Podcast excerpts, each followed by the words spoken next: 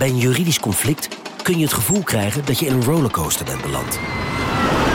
Je wereld staat op zijn kop en je bent de controle even helemaal kwijt. Dan is het fijn als je bent verzekerd bij ARAG. Daar werken topjuristen en advocaten die je begrijpen. Die een stap extra voor je zetten. En je het gevoel van controle teruggeven. Met kennis en informatie, met heldere uitleg en met gericht advies. ARAG, juridisch probleemoplossers. Nieuw Aquarius Red Peach Zero Sugar. Met zijn heerlijke frisse persiksmaak zonder suiker draagt Aquarius bij tot jouw dagelijkse hydratatie en helpt zo mee om je vochtbalans op peil te houden tijdens alledaagse actieve momenten. Thuis, op het werk of onderweg. Ook verkrijgbaar in smaken lemon en orange. Probeer hem nu.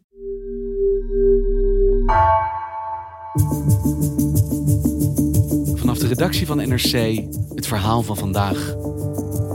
Mijn naam is Thomas Rup.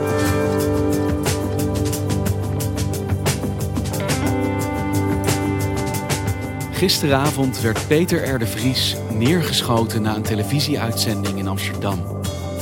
De bekendste journalist van Nederland werd in zijn carrière vaak bedreigd en hield zich de afgelopen tijd bezig met de strafzaak tegen Ridouan Taghi. Deze aanslag, zegt misdaadverslaggever Jan Meijers, treft de samenleving recht in het hart.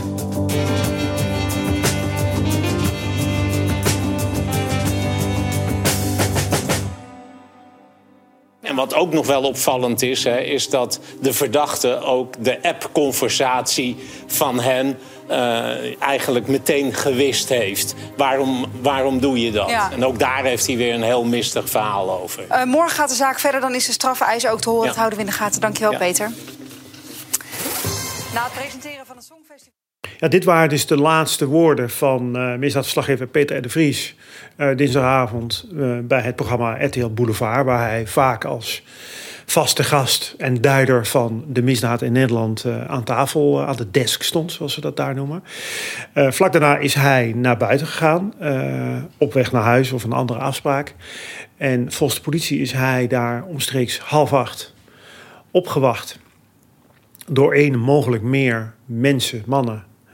En is hij van dichtbij meerdere malen beschoten. Goedenavond, misdaadverslaggever Peter R. de Vries is rond half acht vanavond in Amsterdam neergeschoten. Hij is zwaar gewond geraakt en ligt nu in het ziekenhuis. Dit gebeurt eh, bij de eh, studio van RTL Boulevard eh, op het Leidseplein. En hij is, de achteringang die is op de Lange Leidse Dwarsstraat. Dat is een, voor de niet-Amsterdammers een wat smallere zijstraat tussen eh, het Leidseplein en de Prinsengracht. En eh, ja, goed, er circuleert een filmpje waarvan de politie nadrukkelijk heeft opgeroepen om dat niet meer te delen. Vanwege de gruwelijkheid ervan en de waardigheid van Peter uit de Vries, zoals eh, burgemeester Halsema dat goed samenvatte. Maar daarop is te zien dat hij nou, vrijwel bewegingsloos ligt. en zijn hoofd ligt in het bloed. Dus dit gebeurde op een drukke straat in Amsterdam bij daglicht. Ja, en ja, god, weet je, schietpartijen zijn altijd heftig. Maar als je mensen kent, en eigenlijk is er niemand voorstelbaar in Nederland die niet weet wie Peter R. de Vries is. Want Jan, het is nu één uur s'nachts en we zitten op een bijna verlaten NRC-redactie. Wat weten we van wat daar gebeurd is? Nou goed, nadat hij dus naar buiten is gekomen en is beschoten, waren er heel, heel snel mensen bij die het hebben zien en horen gebeuren.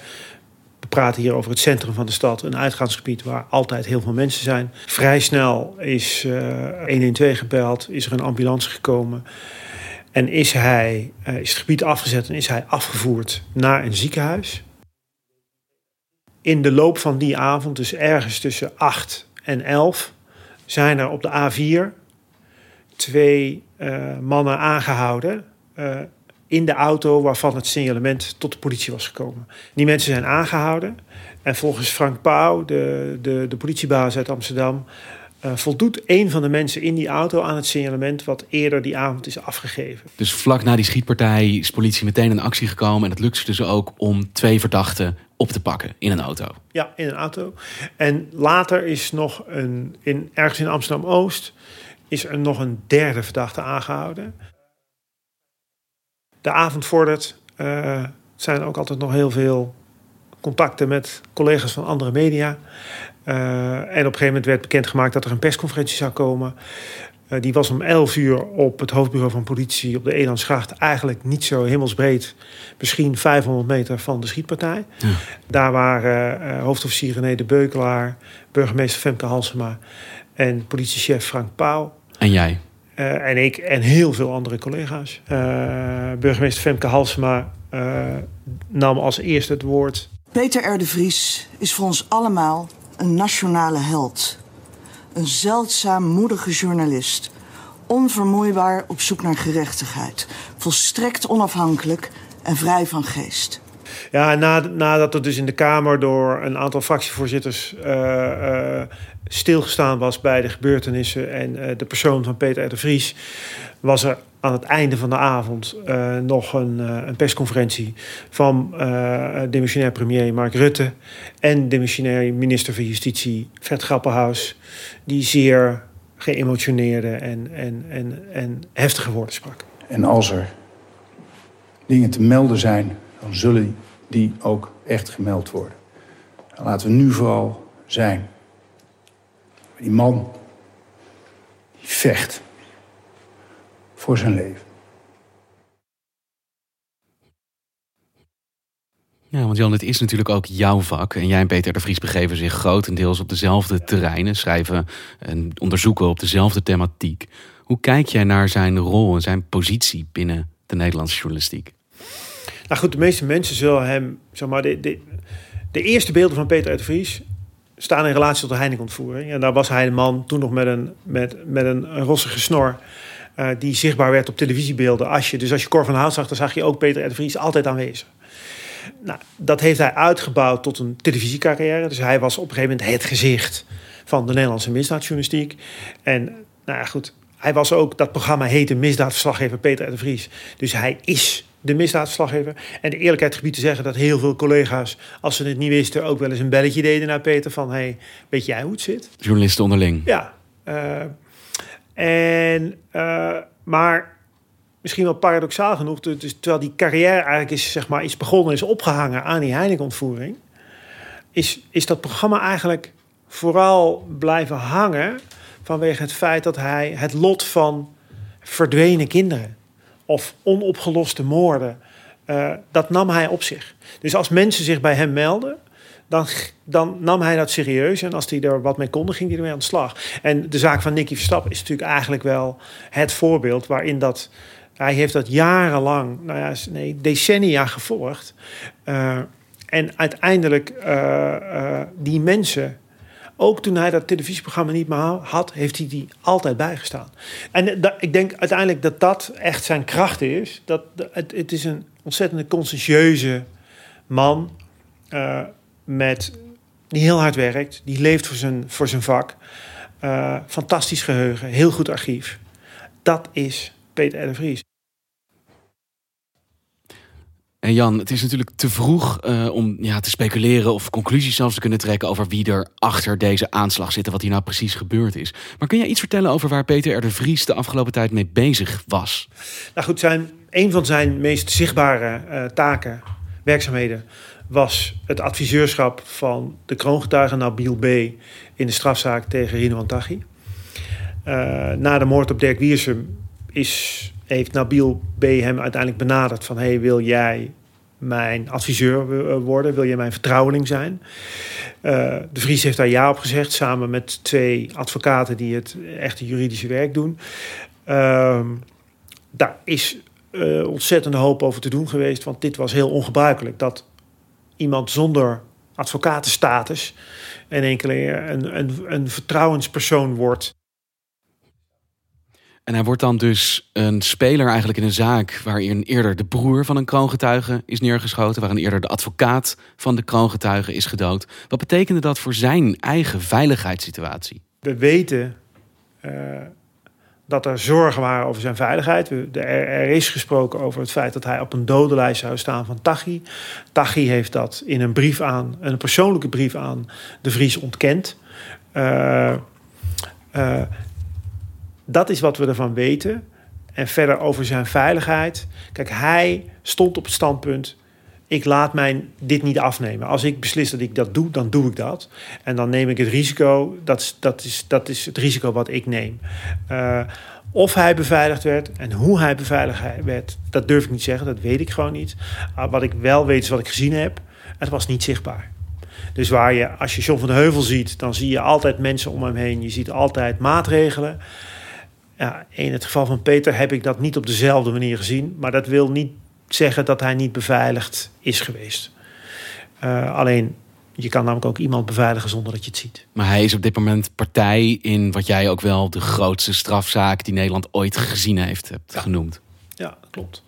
En dan is natuurlijk de, de verleiding is heel groot om te denken, het zal daar wel mee te maken hebben.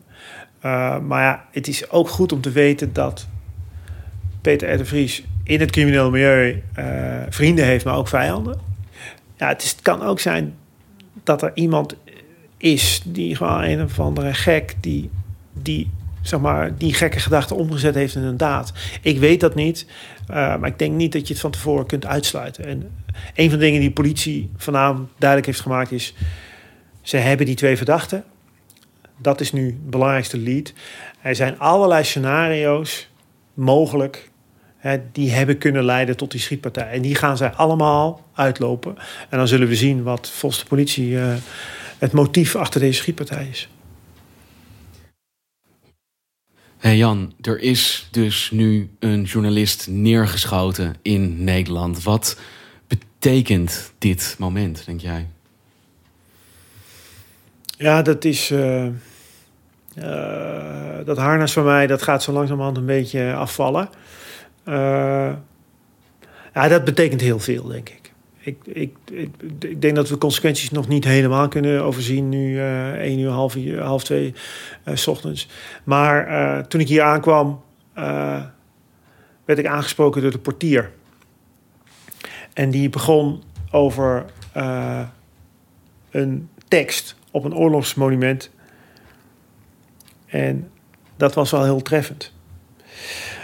Die tekst luidt: Een volk dat voor tirannen zwicht, zal meer dan lijf en goed verliezen. Dan dooft het licht. De vraag van hem is: Is jou dit het waard? Hè? Wil jij dit risico lopen? En mijn eenvoudige antwoord is nee. Dat is de eerste gedachte die je denkt: van, ja, God, weet je, ik, ik vind mijn vak leuk, ik vind het belangrijk, ik doe het met veel plezier en passie. Maar mijn eigen veiligheid, de veiligheid van de mensen om mij heen, is mij veel meer waard dan, dan dat. En als je dan dit nieuws krijgt en die beelden ziet, dan denk je: is dit waard als nou, misdaadjournalist? Nee, Moet ik dat, dit blijven doen? Nee, dat, dat, de ratio zegt nee. Maar, want ik heb dezezelfde vraag, ik heb daar heel veel over nagedacht na de, de moord uh, op Dirk Wiersum.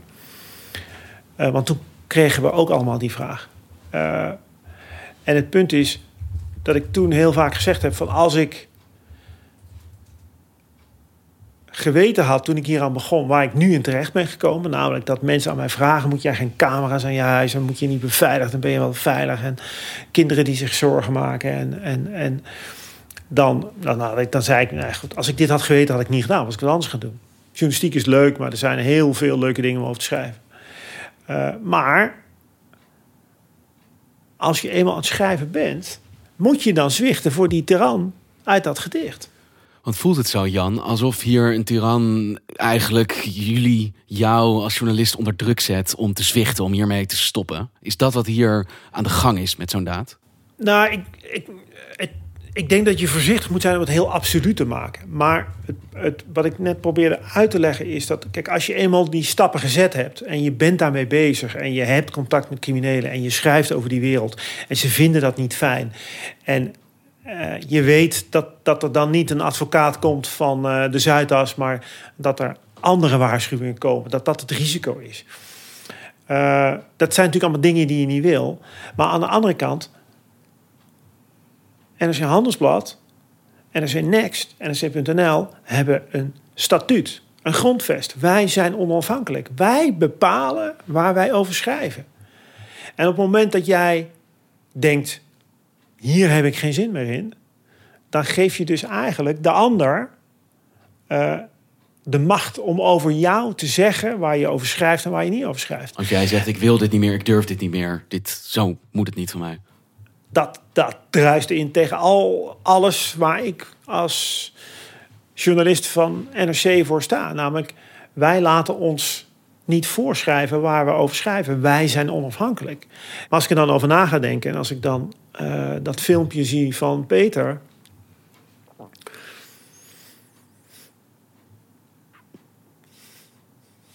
Wat gebeurt er dan? Dan denk ik, uh, dat ga ik niet doen.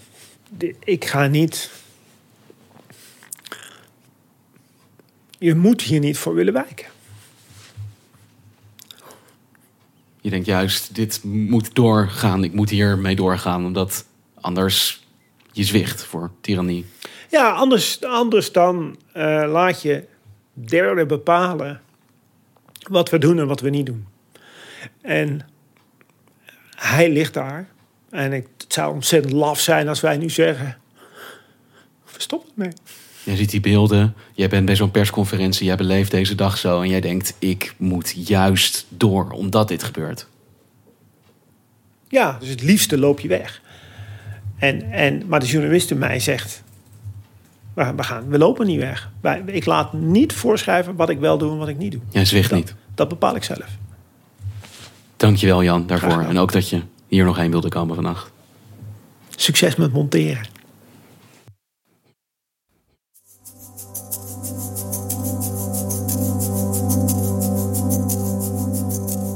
Je luisterde naar vandaag, een podcast van NRC. Eén verhaal, elke dag.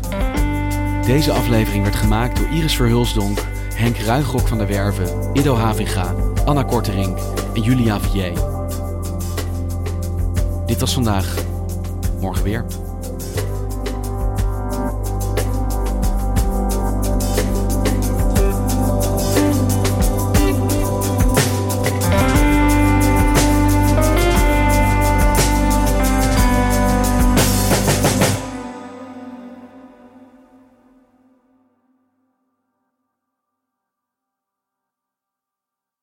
Je hebt aardig wat vermogen opgebouwd. En daar zit je dan, met je ton op de bank. Wel een beetje saai, hè? Wil jij, als belegger, onderdeel zijn van het verleden of van de toekomst? Bridgefund is een slimme fintech die een brug slaat tussen de financiële behoeften van ondernemers en van beleggers. Dus wie belegt bij Bridgefund krijgt niet alleen een mooie vaste rente, maar brengt ook ondernemers in beweging. Echt waar, met die ton kan je zoveel betere dingen doen. Bridgefund. Make money smile.